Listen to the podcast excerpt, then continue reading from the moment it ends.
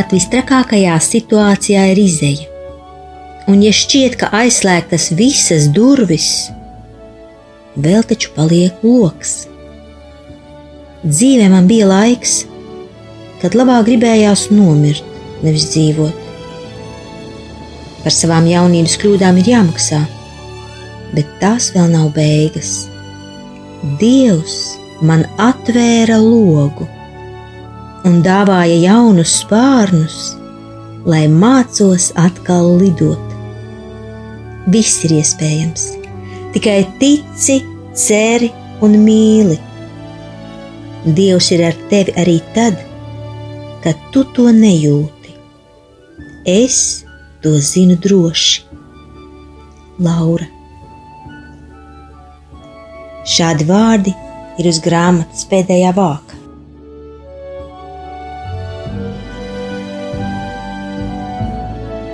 Lasīsim 15. fragment no Lauras Niedras dzīves stāsta, vai baltajiem zirgiem jāpaliek sapnī.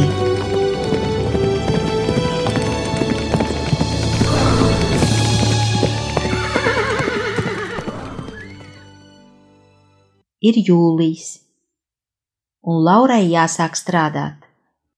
Tas ir brīnišķīgi. Bet vai Elīzes auklēšanu uzticēt omītēm? Nedēļu pie vienas, nedēļu pie otras. Mēģināts nav zaudēts. Tā nu Elīze paliek pie omītēm. Kad meitiņu skata vīrmāte, tad viņas vismaz katru vakaru satiekas, bet, kad Elīze ir pie jaunās omes, tad šķiršanās ir uz nedēļu. Cik Laurai tas ir sāpīgi, bet viņas katru vakaru sazvanās un izpļāpājas, un šķiet, ka Elīzai iet labi.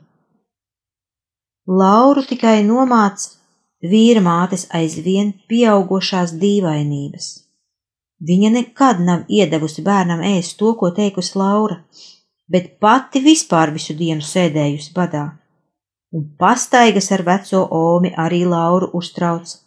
Reiz Ome Elīze bija atvedusi līdz bērndārzam, pat pidžamas krekliņā, un tādā izskatā viņiem nu vajadzēja steigties pie ārsta. Omis valodu saprast kļūst ar vien grūtāk. Viņa kļūst nesakarīga un izklaidīga, bet pat tādā stāvoklī gatis viņu nežēlo, kliedz uz savu māti kā uz suni. Viņa nabaks ieraujas sevi un klusē. Laurai šķiet, ka tieši tāpēc sākušās šīs dīvainības Omas uzvedībā. Jau sen viņa bija vērojusi, ka Gatis izturas pret savu māti ļoti skarbi un valdonīgi, dažreiz pat palaižot rokas, ne tikai kliedzot. Nabaga Omīte. Laurai viņas tā žēl. Meitene cenšas sniegt mīļumu un iedrošinājumu, cik nu tas ir viņas spēkos. Bet spēka Laurai ir gaužām maz jo zem sirds kāds mazs mīļums nemitīgi tos patērē savai augšanai. Šī grūtniecība tiešām ir smaga, salīdzinot ar iepriekšējo, jo Laura ne tik vien kā nespēja skriet, bet pat stāv ar grūtībām. Nomazgāt traukus, tās ir lielas sāpes un mocības. Aizķāpot līdz poliklīnikai, tikai ar grūtībām un vēl vairāk Laurus satrauc pirmā ultrasonogrāfija. Daktere ilgi, jo ilgi braukā pa apaļo punci, uzacis saraukusi, tad izsauc papildspēkus un klusā balsī kaut ko apspriež. Laurai saltas tirpas noiet caur kauliem, un prātā tikai viena doma - kas par vainu? Kas par vainu? Nekādu skaidrību viņa negūst, jo daktere tikai nosaka, man nepatīk šitā galviņa.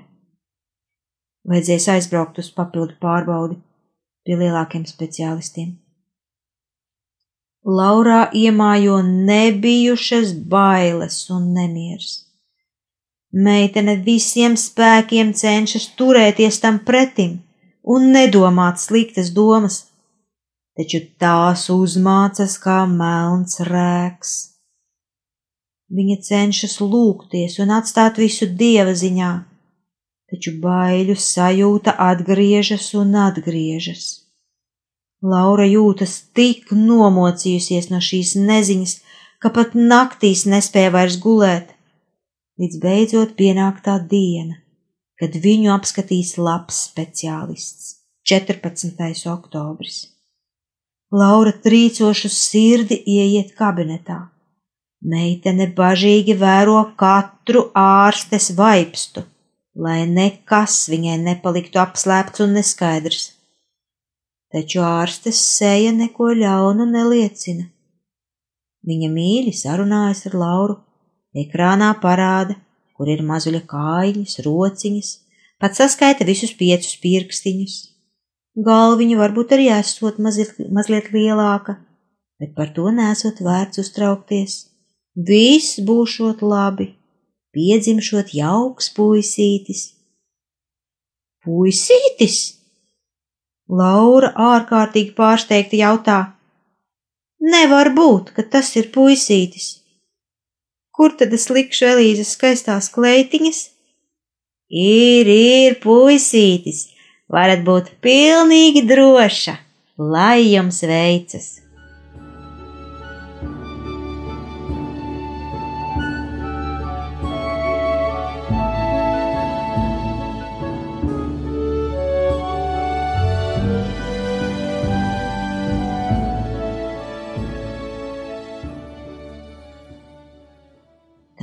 mīļi un draudzīgi beidzas Lauras vizīte pie ārsta.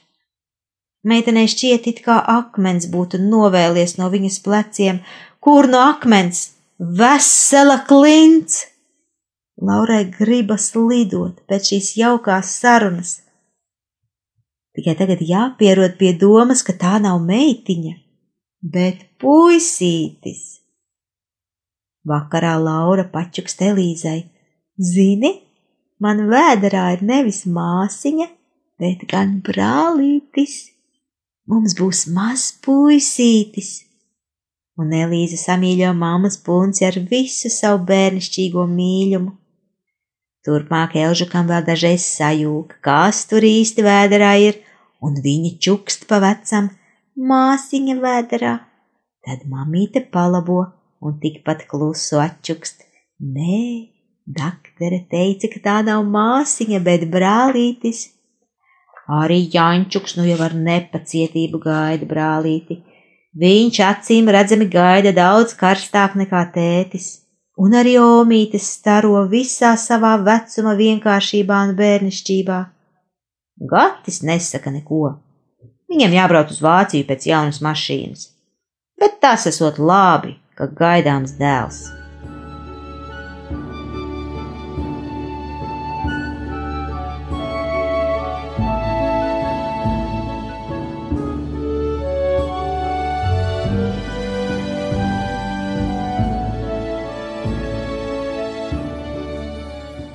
Tuvojas Ziemassvētki. Un negaidīti ierodas pati dzīvokļa saimniece no Krievijas. Viņai esot apnicis saņemt maksājumus ar nokavēšanos. Viņa gribot izīrēt dzīvokli kādam citam. Laura gan lūdzas ar asarām acīs, mazo elžuku pie sāniem spiezdama un lielo punci turēdama. Taču saimniece ir izlēmusi Viņiem jāizvācas. Pēc mēneša dzīvoklim jābūt tukšam. Kad atbrauc Gatis, Laura viņam izstāsta bēdīgos jaunumus, un vīrs sāka meklēt jaunu dzīvokli, taču neveicas nemaz. Kad noliktais laiks ir klāt, viņiem jāizvācas uz ielas. Labi, ka Lauras vecāki piedāvā pajumti Laurai un bērniem ar norunu, ka Gatis maksās kādu uzturnaudu. Vīrs, protams, piekrīt un apsolās maksāt. Gatis pats ar mammu aizbrauc uz savu mazo piepilsētas dzīvoklīti. Kādu laiku viņi satiksies tikai sabatā. Bet cik tā ilgi? Sava bērnības dzīvokļa mierā un kārtībā Laurai pirmo reizi rodas vēlēšanās turpināt jauno kladīti savam dēlam. Kopš 20. septembra tur skumst viens vienīgs dzējolītis. Tagad Laura atver kladīti un ar lielu mīļumu tur pielīmē skenēšanā iegūto bildīti, sava dēla pirmo fotogrāfiju. Tad ar krāsainu flomāsteru ieraksta datumu. 2001. gada 30. janvārs. Daniela puisīt, skaties! Tā ir tava pirmā bildīte. Tur tu esot kādas 20 nedēļas vecs. Toreiz gan es ļoti izbrīnījos, jo es kāpēc biju pārliecināta, ka gaidām māsiņu nevis brālīti. Taču daktere šajā miglu bildē skatoties ar simtprocentīgu pārliecību vairāk kārtīgi apgalvoja, ka gaidāms īsts puika. Nu, ja puika, tad puika. Būs jādod skaistās klētiņas citiem bērniem. Tētim un Jānim jau ir lielu lielie prieki, ka gaidāms puika. Elīzai gan jāpierod pie šīs domas, jo biju viņai sastāstījusi, ka būs māsiņa.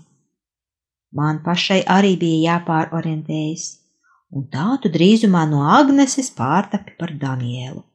Cerams, tev patiks tavs vārds. Tas ir sūtīts tieši tev no paša dieva. Kā tas notika? Vienu rītu pamodos un paliku vēl gultā pastaipīties. Neko īpašu nedomāju, kad pēkšņi gandrīz vai salēcos, izdzirdusi vārdu Daniels. Tas atskanēja it kā kaut kur manās domās, un ļoti pārsteidza mani. Sāku pārdomāt un secināju, ka skaisti skan Daniels. Turpinājums ir vēl interesantāks, kad pēc dažām dienām aizbraucu ciemos pie dārtas.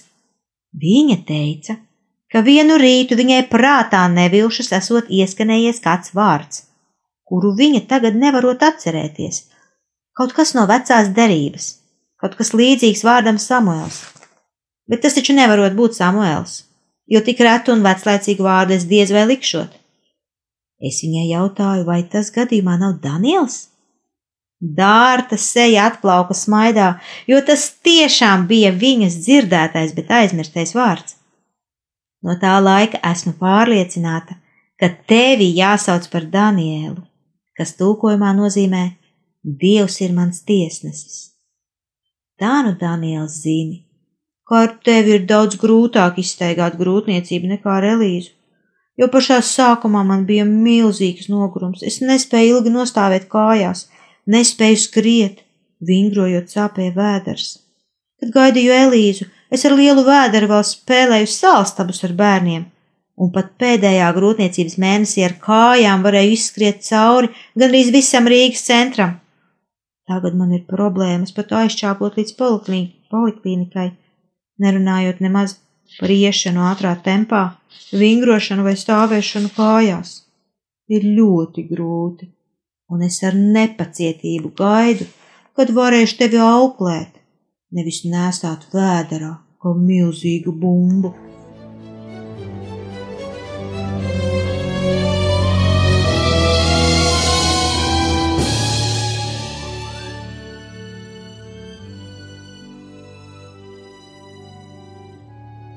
ir tiešām grūti. Kādu pēcpusdienu Laura atlaižas gultā un nopūšas, jo brālīts vēderā ir tik smags. Pieskrien meitucis un saka: Neraudi! Laura atbild: Es neraudu, man tikai ir grūti. Elžuks pieglaužas un saka: Nu tad negrūtējies! Tad meitucis apmīļo mammas vēderu, kur iekšā sparīgi spārdās brālītis, un Laura jautā: Nu, vai iespēra? Un Elīze visā nopietnībā atbild: Jā, ar ģābaku. Tādā jautrā mīļuma brīdī Laura nolemj, ka jāpastāsta meitiņai par drīzo braukšanu uz slimnīcu. Vai tu mani gaidīsi mājās? Laura jautā. Nē, pēkšņi negaidīti atbild Elīza. Laura jūtas samulsus un apbēdināti jautā, vai tad tu gribi viena pati bez mammītes dzīvot? Nē, es labāk dzīvošu ar tevi slimnīcā, kā no lielgabala izšauja Elīza. Vai tur nav jāsmejas? Pēc tādas sarunas ar asprātīgo meitiņu Laurai atkal ir spēks celties un iet tālāk. Gatis plāno, ka vajadzētu pārdot savas mammas mazo avārijas stāvokļa pilsētas dzīvoklīti, jo tas atrodas ļoti izdevīgā vietā, piecu minūšu gājienā līdz jūrai, un par dabūto naudu varētu nopilkt, nopirkt kādu lētu trīsistabu dzīvokli laukos un vēl garāžu sev. Un vīrs sāk darboties. Omīte gan ļoti pretojas šādam plānam, jo šeit pie jūras ir pagājusi visa viņas dzīve. Bet kāda gan omei teikšana? 1. martā dzīvoklis ir rokā. Trīs istabas, centrālā apkure, divi lieli balkoni pašā pagasta centrā tikai ūdens ledains kā kalnu strautā, bet netīrs kā varžu dīķī. Gatis ar māti pārvācas uzreiz. Laura ar bērniem paliks Rīgā, līdz Jančukam sāksies vasaras brīvdienas. Tad arī gaidāmais mazulis būs piedzimis un nedaudz apvēlies, un Laura atkal varēs iejūgties darbā uz pilnu klapi. 3. marta nakts. Mežonīgi straujas sāpes sagrābi Lauras vēderu. Tik mežonīgas, ka Laura pat apmulst. Otrās dzemdības. Kā viņai tagad saprast īsto brīdi? Laura atceras, ka gaidot meitiņu, viņa vēl visu nakti starp mērenām kontrakcijām varēja saldi gulēt. Arī tagad viņa cenšas darīt tāpat jo labprāt sagaidītu rītu, tad sazvanītu māsiņu dārtu, jo viņas abas kopā dotos uz slimnīcu. Šoreiz ir plānots, ka dārta būs Lauras pavadonis un balsts. Taču sāpes ir neciešamas no paša pirmā mirkļa. Laura ne tikai nespēja aizmigt, bet pat nespēja vairs atrasties guļus.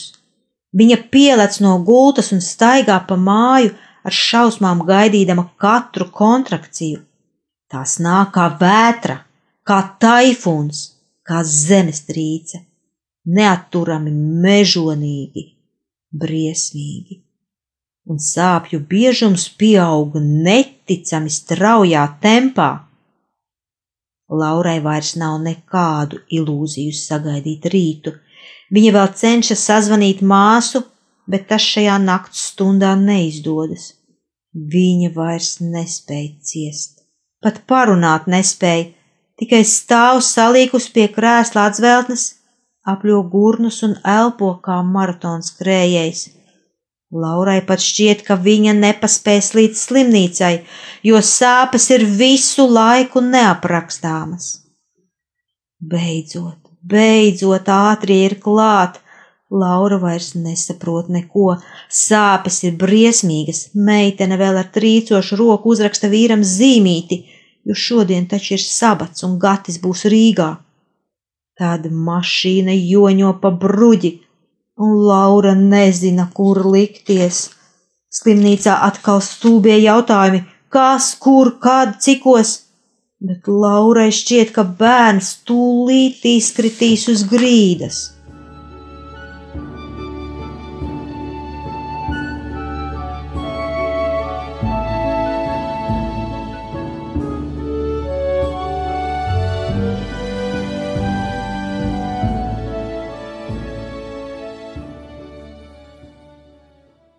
Meitene nespēja uzkāpt uz augstā dzemdību galda, trīc rokas un kājas un ir nemitīgas kontrakcijas. Nesaprotamā veidā tomēr tikusi augšā, Laura kliedza aiz sāpēm.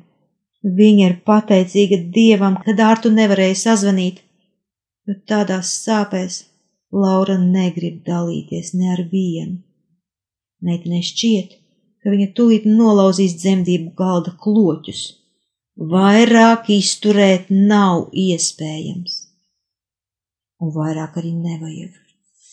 Jau pēc 15 minūtēm uz Lauras vēdera tiek nolikts resns kunkulis, kas izskatās vairāk nekā nesmuks. Acis aiztūkušas, pats zils, uz kakla milzīga tauku kroka vaigi redzami no mugurpuses. Īsts briesmonis. Daktere brīnās, kā šī mazā mammīte tādu dabūjusi ārā. Četra ar pus kilogrami, un vēl bez plīsumiem, tik straujas dzemdības, īsts brīnums. Kad Laura ir tikusi palātā, viņa cenšas rakstīt. Nav meitenē tās brīnišķās brīnums sajūtas, kas bija meitiņu sagaidot, tikai nāvīgs nogurums. Viņa atver kladīti, bet nespēja nekā uzrunāt savu jaundzimušo. Tā arī ieraksts sākas bez uzrunas. 2001. gada 3. marts, sestdiena. Ir gan dzirdēts, ka dzemdības esot diezgan smaga lieta, taču izjust to pašai bija samērā baigi. Tu tāds liels puika! 4540 grami, 55 centimetri. Mocīja savu mazo mammīti pašā nakts melnumā un izdomāja piedzimt pulksten 3.15. Kā tu domā, vai gadījumā naktīs nav jāguļ, nevis jādzimst. Bet tu jau arī laikam biji nomocījies, piedzimis zils un ieraudājies rupjā nopietnā balsī. Cik tu esi briesmīgi resns, un rokām nāgi gari, gari, pašas rociņas zilganas un savītušas Šobrīd tu no zilgana esi pārtapis par sarkanraibu un saskrāpētu. Tu sev nemitīgi knieb vaigos ar saviem garajiem nagiem. Vispār tu izskaties gaužām nepievilcīgs, īsts saņurcīts zīdainis. Arī dzemdības bija gaužām nepievilcīgas, nenormāli sāpīgas. Es pat domāju, ka to neizturēšu. Biju cerējusi, ka iztikšu bez kliekšanas, kā relīzu, taču nezināju, ko lai vispār daru un kur lai liekos aiz sāpēm. Bet paldies Dievam, ka tu piedzimi tik ātri. Laikam ilgāk tiešām nespētu izturēt. Ap pus trījiem iebraucu slimnīcā, bet trijos piecpadsmit jau brēci tu, lielais resnais moceklītis. Un gandrīz tūlīt ķēries pie pirmās maltītes rūci un tēloja neapmierināto, laikam piena likās par maz. Elīze pēc piedzimšanas iesūca vienu piena lāstīti un nogulēja visu nakti, bet tu pieēdies jau uz dzemdību galda un vēl nevarēji gulēt, šņāci, krāci, pīkstēji un stenēji, taču neraudāji. Laikam sapņos redzēji pārciestās grūtības. Tas bija 15. fragments no Lauras Niedras dzīves stāsta, vai baltajiem zirgiem jāpaliek sapnī.